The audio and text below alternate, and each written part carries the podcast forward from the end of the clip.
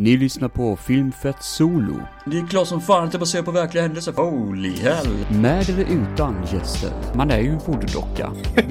Alltså det, det är det som är så sjukt. Det känns som att... Eh, Till exempel fighten med ryssen. Det är, Ja, den är så underbar. jävla klockren. Jävla bra. Om ursprunget av Tomb Raider. Alltså jag var inte förberedd på det. Jag, jag var faktiskt rädd på riktigt. Filmfett Solo. Antingen jävligt cringe eller jävligt coolt. Ja, men goddagens, goddagens gott folk och hjärtligt välkomna tillbaka till Filmfett Solo med mig Robin Andersson. Jag hoppas att ni sitter och har det gött hemma i stugorna. Vet ni vad? Filmfett Solo har joinat Spotify, så det finns en chans att det finns nya folk som har dykt upp till Filmfett Solo, så då tänkte jag att jag kan lika gärna presentera vad det här är för program. Jo, Filmfett Solo är en podd som börjades utav mig, Robin Andersson, i, ehm, ja när var det, maj tror jag? Mm, har för mig det. Det var i alla fall när corona verkligen slog till hårt mot mitt jobb, vilket gjorde att jag blev arbetslös ett litet tag. Och eh, sen dess har jag gjort lite avsnitt lite då och då. Och nu på senare tid så tycker jag det är så pass jävla roligt så jag försöker lägga ut ett avsnitt i veckan. Det är inte ofta det händer, men ja. I alla fall, Filmfett började som en blogg på nätet som hette, den finns fortfarande, heter filmfett.se. Vi var tre stycken som drog igång bloggen från början. Men eh, Joel som var grundare och i nuläget faktiskt snubben jag är inneboende hos. Eh, han beslöt sig att hoppa av projektet då. Eh, han tröttnade väl på det lite grann. Och jag och Marcus då som drev Filmfett, det var vi två som drev det i nästan snart nio år tror jag. Tror det, vi började 2012 i alla fall. Eh, åtta år måste det vara i så fall. I alla fall så gick det jävligt bra, men nu detta året 2020 har vi gått ner väldigt mycket. Marcus har typ slutat på bloggen och eh, jag kände väl också det att ja, det, det är kul att hålla på men jag blev så intresserad av att lyssna på poddar väldigt mycket detta året. Och så blev jag intresserad själv för att köra en podd och på det sättet så har jag kommit in på podcast istället då. Filmfett kommer fortfarande finnas kvar och om intresset dyker upp så kommer man såklart återuppleva Filmfett. Men som det är just nu så kommer hemsidan ändå liksom ligga lite stabilt, lite grann på is kan man säga. Och istället så snackar jag lite grann om film i, ehm, ja, här i etern då helt enkelt. Jag började göra podd på Acast-appen, men nu så finns den också på Spotify. Ni kan gå in och följa mig på Instagram. Privat heter jag Welcome to Anderson. Men Filmfetts hemsida då, eller Filmfetts Instagram heter bara Filmfett. Och eh, ja, finns även på, eh, på Facebook då, Filmfett, eh, som ni kan spana in där. Jag är inte lika aktiv på Facebook, men jag försöker bli bättre på det. I alla fall, dagens avsnitt handlar om julafton. Och det kommer kanske inte vara så jätteimponerande, episkt och långt avsnitt. Jag tror det kommer vara ganska chill avsnitt faktiskt, för eh, jag har tre recensioner jag kommer snacka om. Och så har jag lite generella saker om julen. Och för det första så kan man väl bara dra igång och eh, snacka lite lätt om jul på film. Jag själv har inte så jättestark relation till julafton. Jag tycker det är ganska tjatigt. Det är en jävla massa stress hela tiden. Det ska vara samma sak om igen. Och eh, det här med att ha samma koncept hela tiden, att man måste köpa massa julklappar, man måste ge till massa folk hela tiden, man måste bränna massa pengar på mat. Det är mycket saker som bränns och det är ganska tjatigt. Så jag är inte så förtjust i julen generellt faktiskt. Jag tycker julen är ganska tjatig som period på året. Och sen så blir allting dött i januari, februari och då undrar jag, var det verkligen värt att ha julafton som en enda massiv smocka upp i nyllet typ och resten av år, eh, året därefter blir typ dött. Jag tycker inte riktigt det är värt det. Så, så min relation till, till julen är att det är lite fel grej. Sen visst, såklart, jag behöver inte säga att jag, jag är fan inte religiös någonstans. Men eh, det, det är lite grann som att folk har glömt lite vad poängen och syftet med julen är. För mig är det här gemytliga, man träffar personer man kanske inte träffar annars, man uppskattar kanske livets lugnare perioder mer. Men jag tycker det är ganska konstigt för julen är alldeles för hetsig. Och sen är det många som faktiskt mår väldigt dåligt under julen, men eh, generellt så kan de inte, folk fattar inte riktigt det. Och jag tycker det är ganska sjukt att folk har den negativa synen på att Eh, tycker du inte om julen, men då är du dum i huvudet. Typ liksom, den attityden, jag tycker det är lite retarded, ärligt talat, att ha den attityden. Förlåt om man sa retarded där, men eh, det är fan retarded att ha den synen på saker. Ehm, det, det, är klart som fan att många kan bli deprimerade, särskilt om man inte firar med familjer och så vidare, utan man kanske är ensam.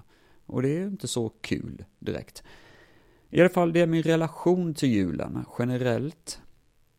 Inte så glad i det, tycker det är lite tjatigt. Jag gillar inte traditioner generellt heller, jag tycker det är ganska upprepande. Men det finns ju lite goa julfilmer som jag tänkte jag skulle snacka om också. Lite generellt, jag kommer bara dra några över en kam och bara gå in och nosa lite grann på ämnet innan jag hugger tag i de tre större filmrecensionerna.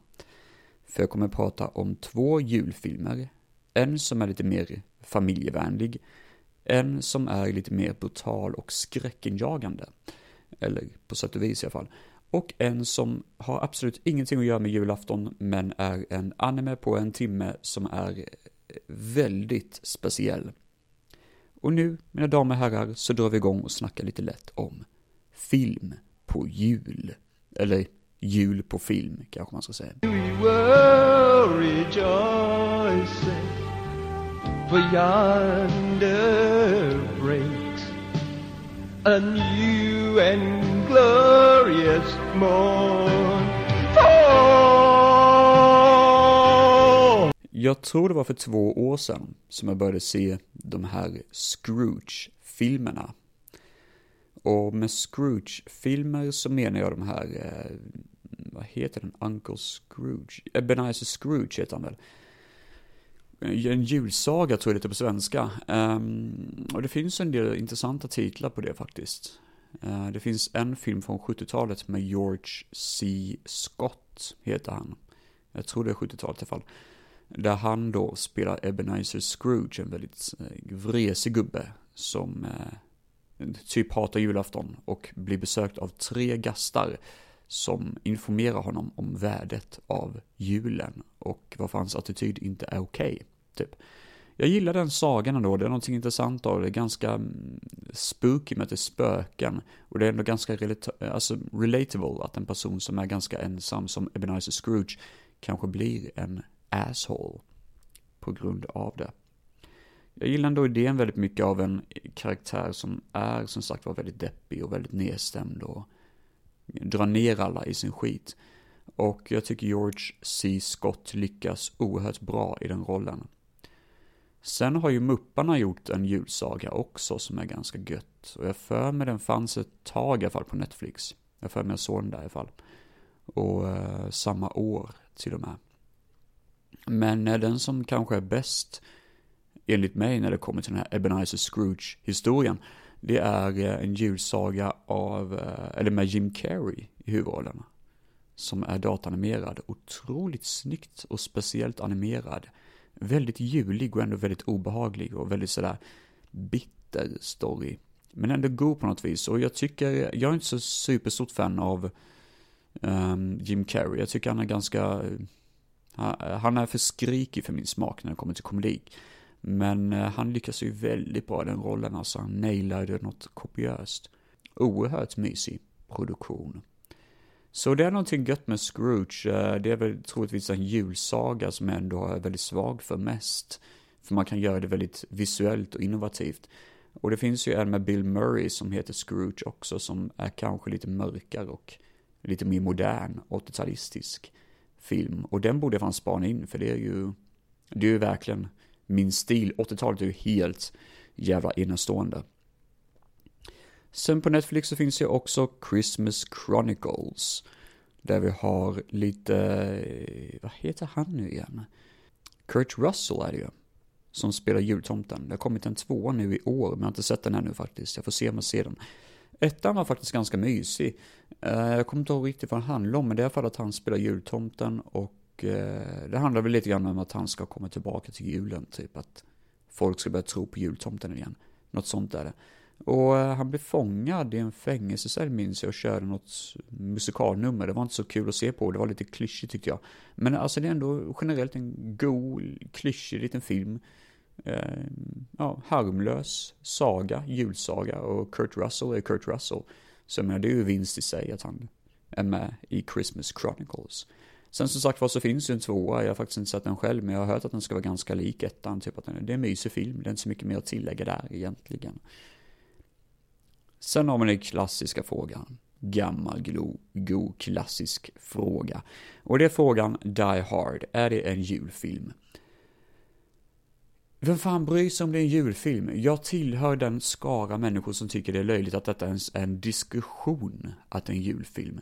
Det är en jävligt bra film. Die Hard är en jävligt bra actionfilm, en av de bästa actionfilmerna som finns.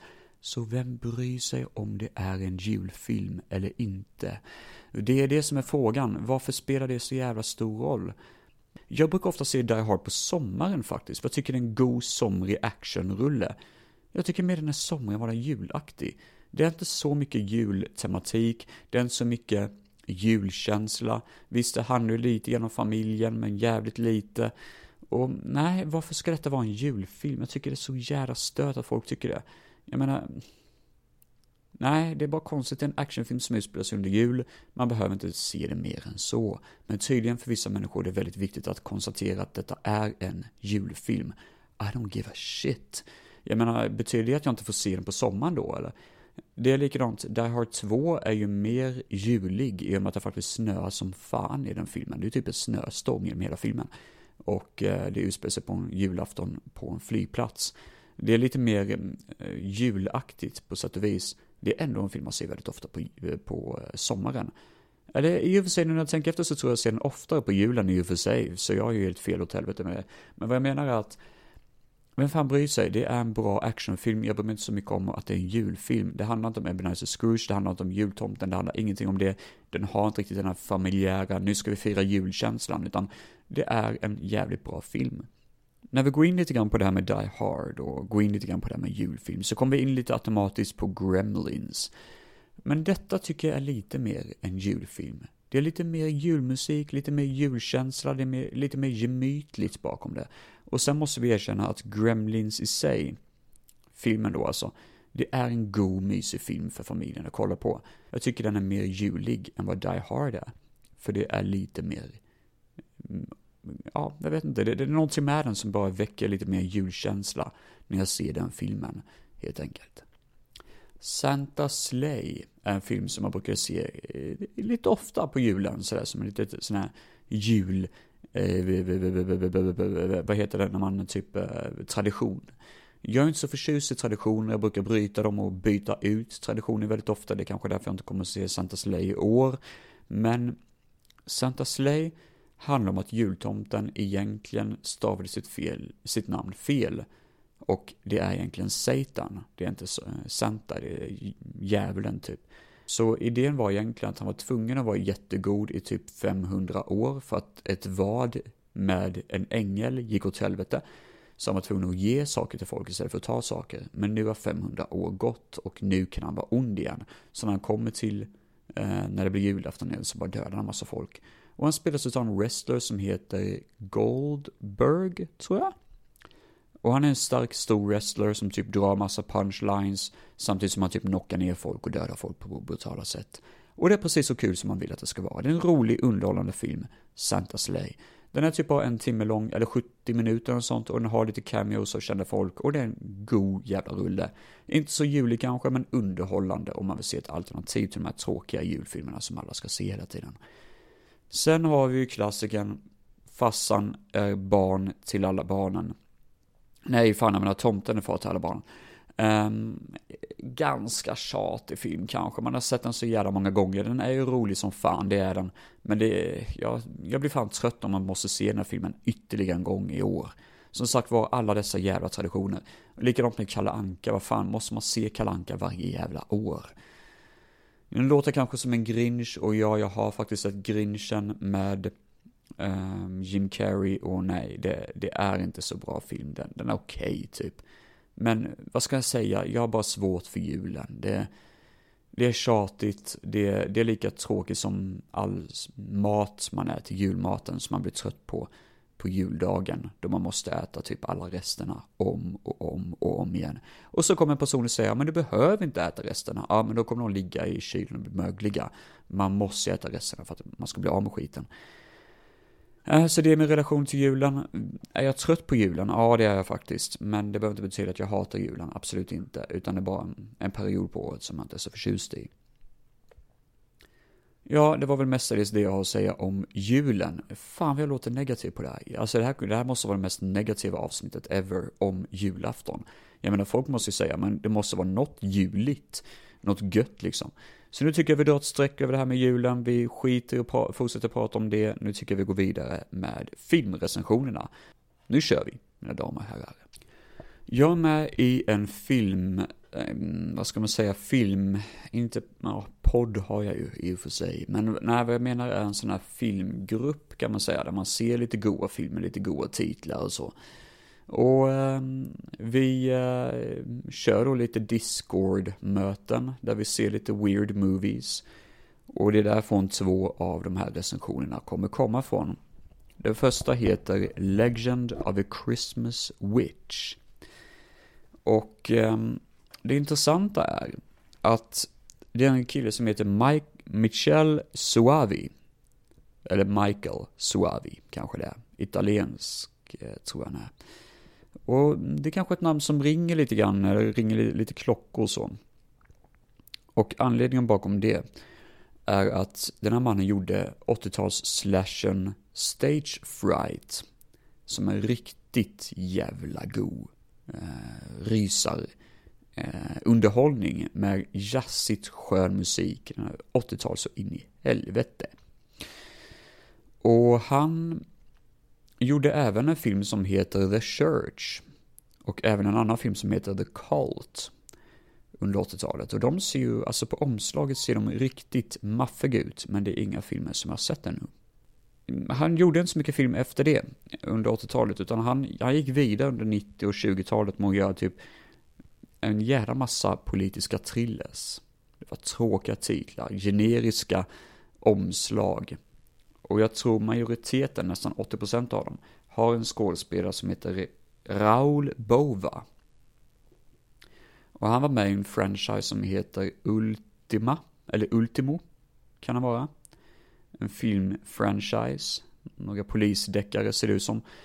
Och de ser ju väldigt generiska ut. Och det roliga var när vi var i den här eh, filmklubben då, så skämtade vi väldigt mycket om att under om Raoul Bova är med i den här filmen typ. För det var jättemånga filmer som han var med i av Michael Suavi.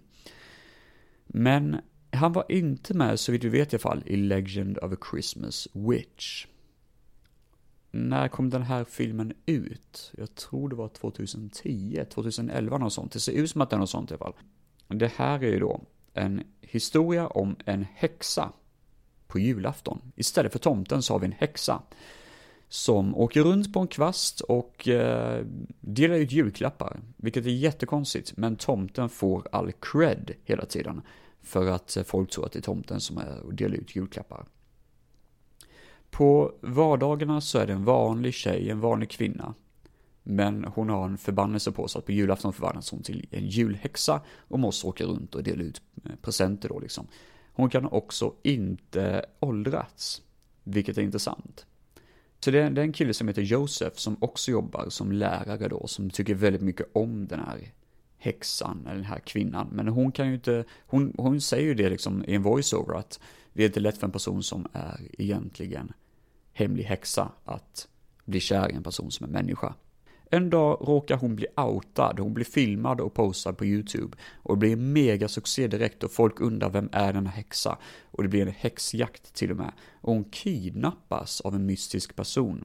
Och den mystiska personen är en leksaksmakare som konstruerar leksaker och så. Han är tjock, han är knubbig, han är jätteegoistisk, han gillar att hålla episka tal och han ser ut som Batman-skurken Toymaker. Jag tror han heter Toymaker i alla fall. Som en leksaksskapare som är jätteweird och typ gör dödliga leksaker åt barn. Och han är väldigt sådär Batman-aktig och har kidnappat henne då. Och anledningen är att han fick inte julklappar ett år som barn. Är det något sån här jättevärdelöst är det. Det är en jättebad backstory till honom. Men det är jätteskumt, alltså man bara sitter där bara, vad fan, nu är det en Batman-skurk med i filmen. Jaha, det var ju skumt som fan. Huvudkaraktären då, häxan, har ju några studenter då, några eh, liksom ungar som hon lär upp.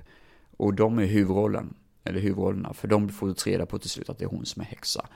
Och eh, de vill rädda henne från den här onda leksaksmakaren och beger sig ut på en roadtrip och försöker stoppa henne då, eller stoppa honom.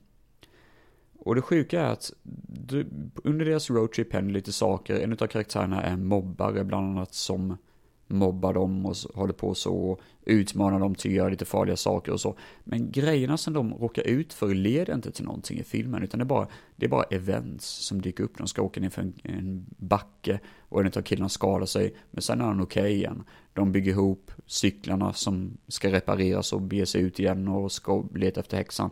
Och det är jättekonstigt. Det är jävligt konstigt det här. Bland annat så stöter de på en karaktär som vi i filmklubben kallades för Van Helsing. För han ser ut som en sån här gunslinger. Och då tänkte jag direkt att fan det här är typ Craven från Spiderman-universumet, Craven the Hunter. Och han är ju också bad guy i den här filmen. Men han bara försvinner. Alltså när hans scen är slut så är det som att han bara försvinner ur tomma intet. Jag kommer fan inte ens ihåg vad som hände med honom, han bara, han bara försvann. Uh, den här filmen vann ett pris för bästa effekter, bästa visuella effekter. Och det är ju ganska bra effekter, ärligt talat. Och um, det är en film som rent spontant påminner lite grann om Batman, Goonies, James Bond, för att den här skurken har jätteöverdrivna eh, planer, typ, och jätteöverdriven plats som man befinner sig på.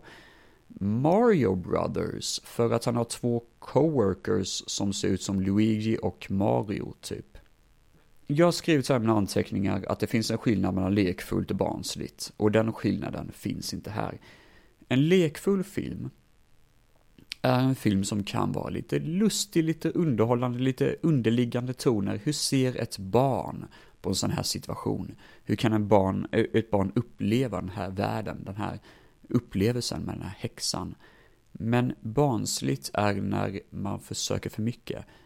Ett barn kan ibland säga väldigt roliga och lustiga saker, som nästan är lite sanningsenliga, som kan vara lite nyfikna, lite sådär underliggande och underhållande.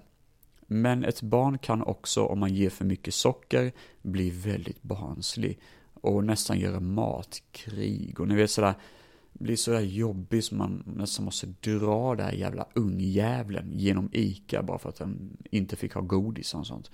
Lite så. Och den här filmen är för barnslig. Den försöker vara lekfull, men det blir för skrikigt, det blir för oseriöst, det blir för, för mycket fokus på att försöka vara kul och lekfull, men det blir för barnsligt.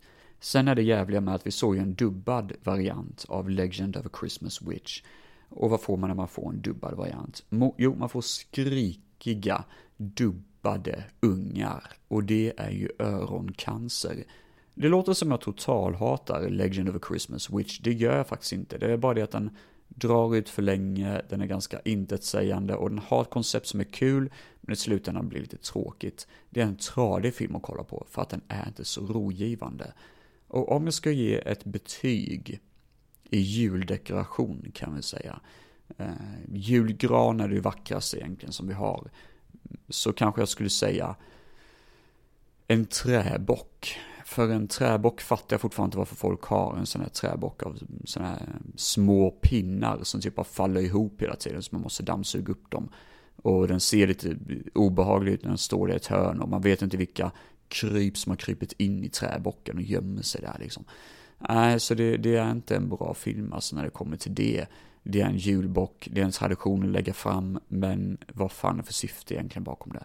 Okej, okay, en julbock kanske är lite för hårt. Jag skulle vilja kanske säga knäck då. Knäck är en bättre julblandning, kan man säga, till den här filmen. En julkompensation till den här filmen. För, fan vad konstigt att vi går in på det här. Men om man pratar om knäck, alltså folk tycker att knäck är jättegott. Ja, det är det, det är gott, men har ni någonsin gjort knäck felfritt? Har det någonsin gått exakt så bra som ni vill att det ska göra? Om ni säger att det är jättelätt att göra knäck, då ljuger ni.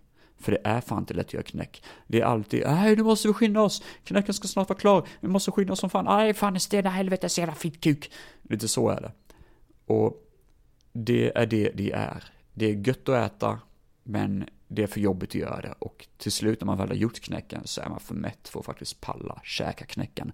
Så Legend of a Christmas Witch är som julknäck, lite tråkigt gjord och i slutändan någonting man känner, nej jag orkar faktiskt inte. Det räckte med julbufféerna. Det är Legend of a Christmas Witch. Nästa film har i stort sett ingenting alls att göra med julafton. Men, eh, eller det har ingenting med jul heller att göra för den sakens skull. Men det är någon, alltså någonting med den här filmen som gör att jag vill ändå prata om den innan året är slut i alla fall. Filmen heter Angels Egg och är från 1985. Den är en timme och 11 minuter lång. Den är visuell, väldigt, väldigt, väldigt visuell och eh, surrealistiskt, något kopiöst surrealistiskt. En eh, skapelse som gjordes visuellt i alla fall av en eh, visuell konstnär bakom Final Fantasy. Så han gjorde i alla fall de där tekniska, de här vackra målningarna och det där fina bakom eh, i kulisserna helt enkelt, och skapelsen, alltså det visuella. Men filmen i sig gjordes faktiskt av en kille som gjorde Ehm, alltså regin ansvaras bakom mannen som bland annat ansvarar för Ghost in the Shell. Vilket är kanske hans kändaste verk, tror jag. Och Ghost in the Shell är en cyberpunk anime-film som jag för mig har pratat om i anime-avsnittet, det vill säga avsnitt 2 av Filmfett Solo, som bör ligga ute i alla fall på Spotify och skall ligga ute på Acast-appen. Så det kan ni lyssna på om ni känner för det, lite tidigt Filmfett Solo. I alla fall väldigt produktiv skapare var detta. Han gjorde jättemycket, regissören gjorde jättemycket produktiv, eh, produktioner från tidigt 70-tal till då idag, helt enkelt. Och eh, Angels Egg är ju väldigt speciell. Det börjar med en blodröd himmel och en rostig farkost som är format som, en, eh, som ett öga som landar på marken. Och där står en kille på marken då och kollar på den här farkosten. Och sen så vaknar en kvinna, en, eller en ung tjej, det är hon då som har drömt den här eh, drömmen. En flicka. Hon vaktar ett ägg som hon springer runt med i hela filmen då. Eh, som ett stort mm, fågelägg ser det ut som och springer runt med det. Och det filmen egentligen handlar om är typ det visuella, vilka miljöer hon springer runt i, att hon går runt i olika byggnader som är helt förstörda. För det har varit någon typ av krig, ser det ut som, och staden hon springer runt i ser ut som spökstad.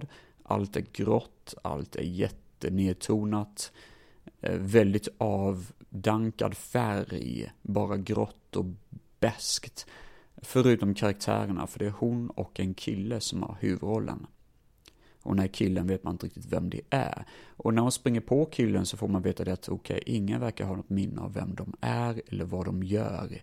Och hon verkar kanske inte veta heller varför hon beskyddar ägget, men hon har gjort det hela tiden typ.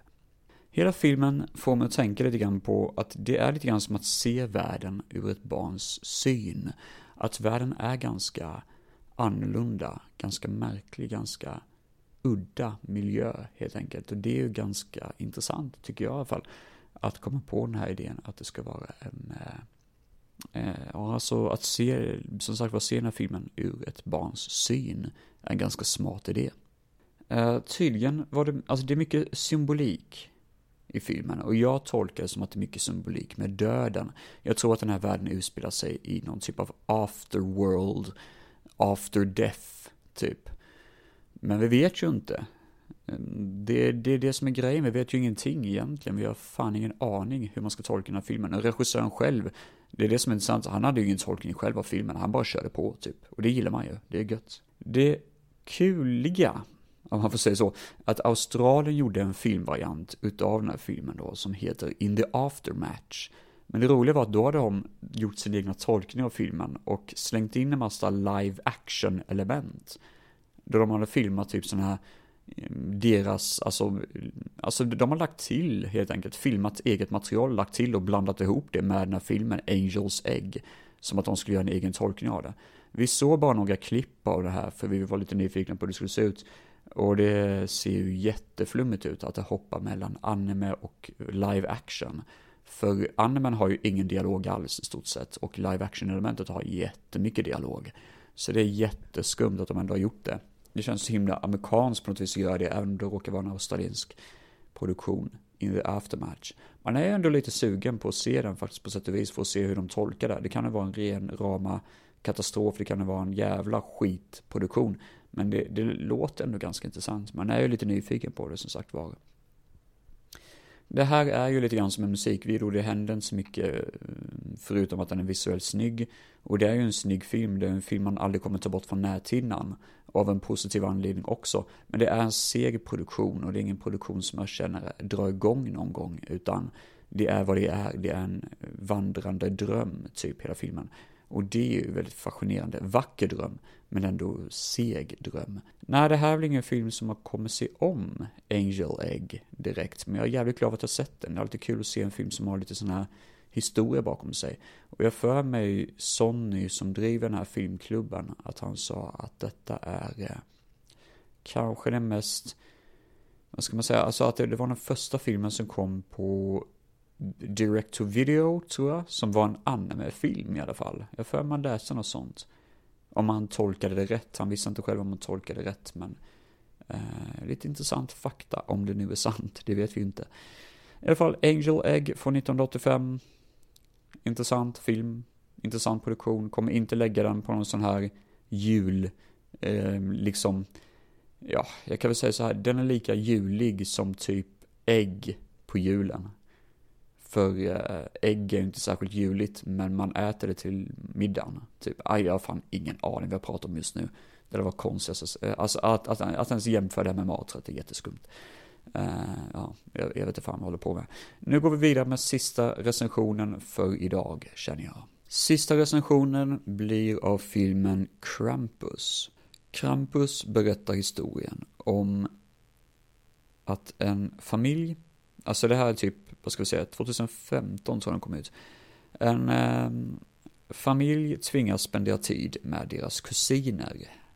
Eller deras, eh, ja, man kan väl kalla det för kusiner och kusinbarn och sådär.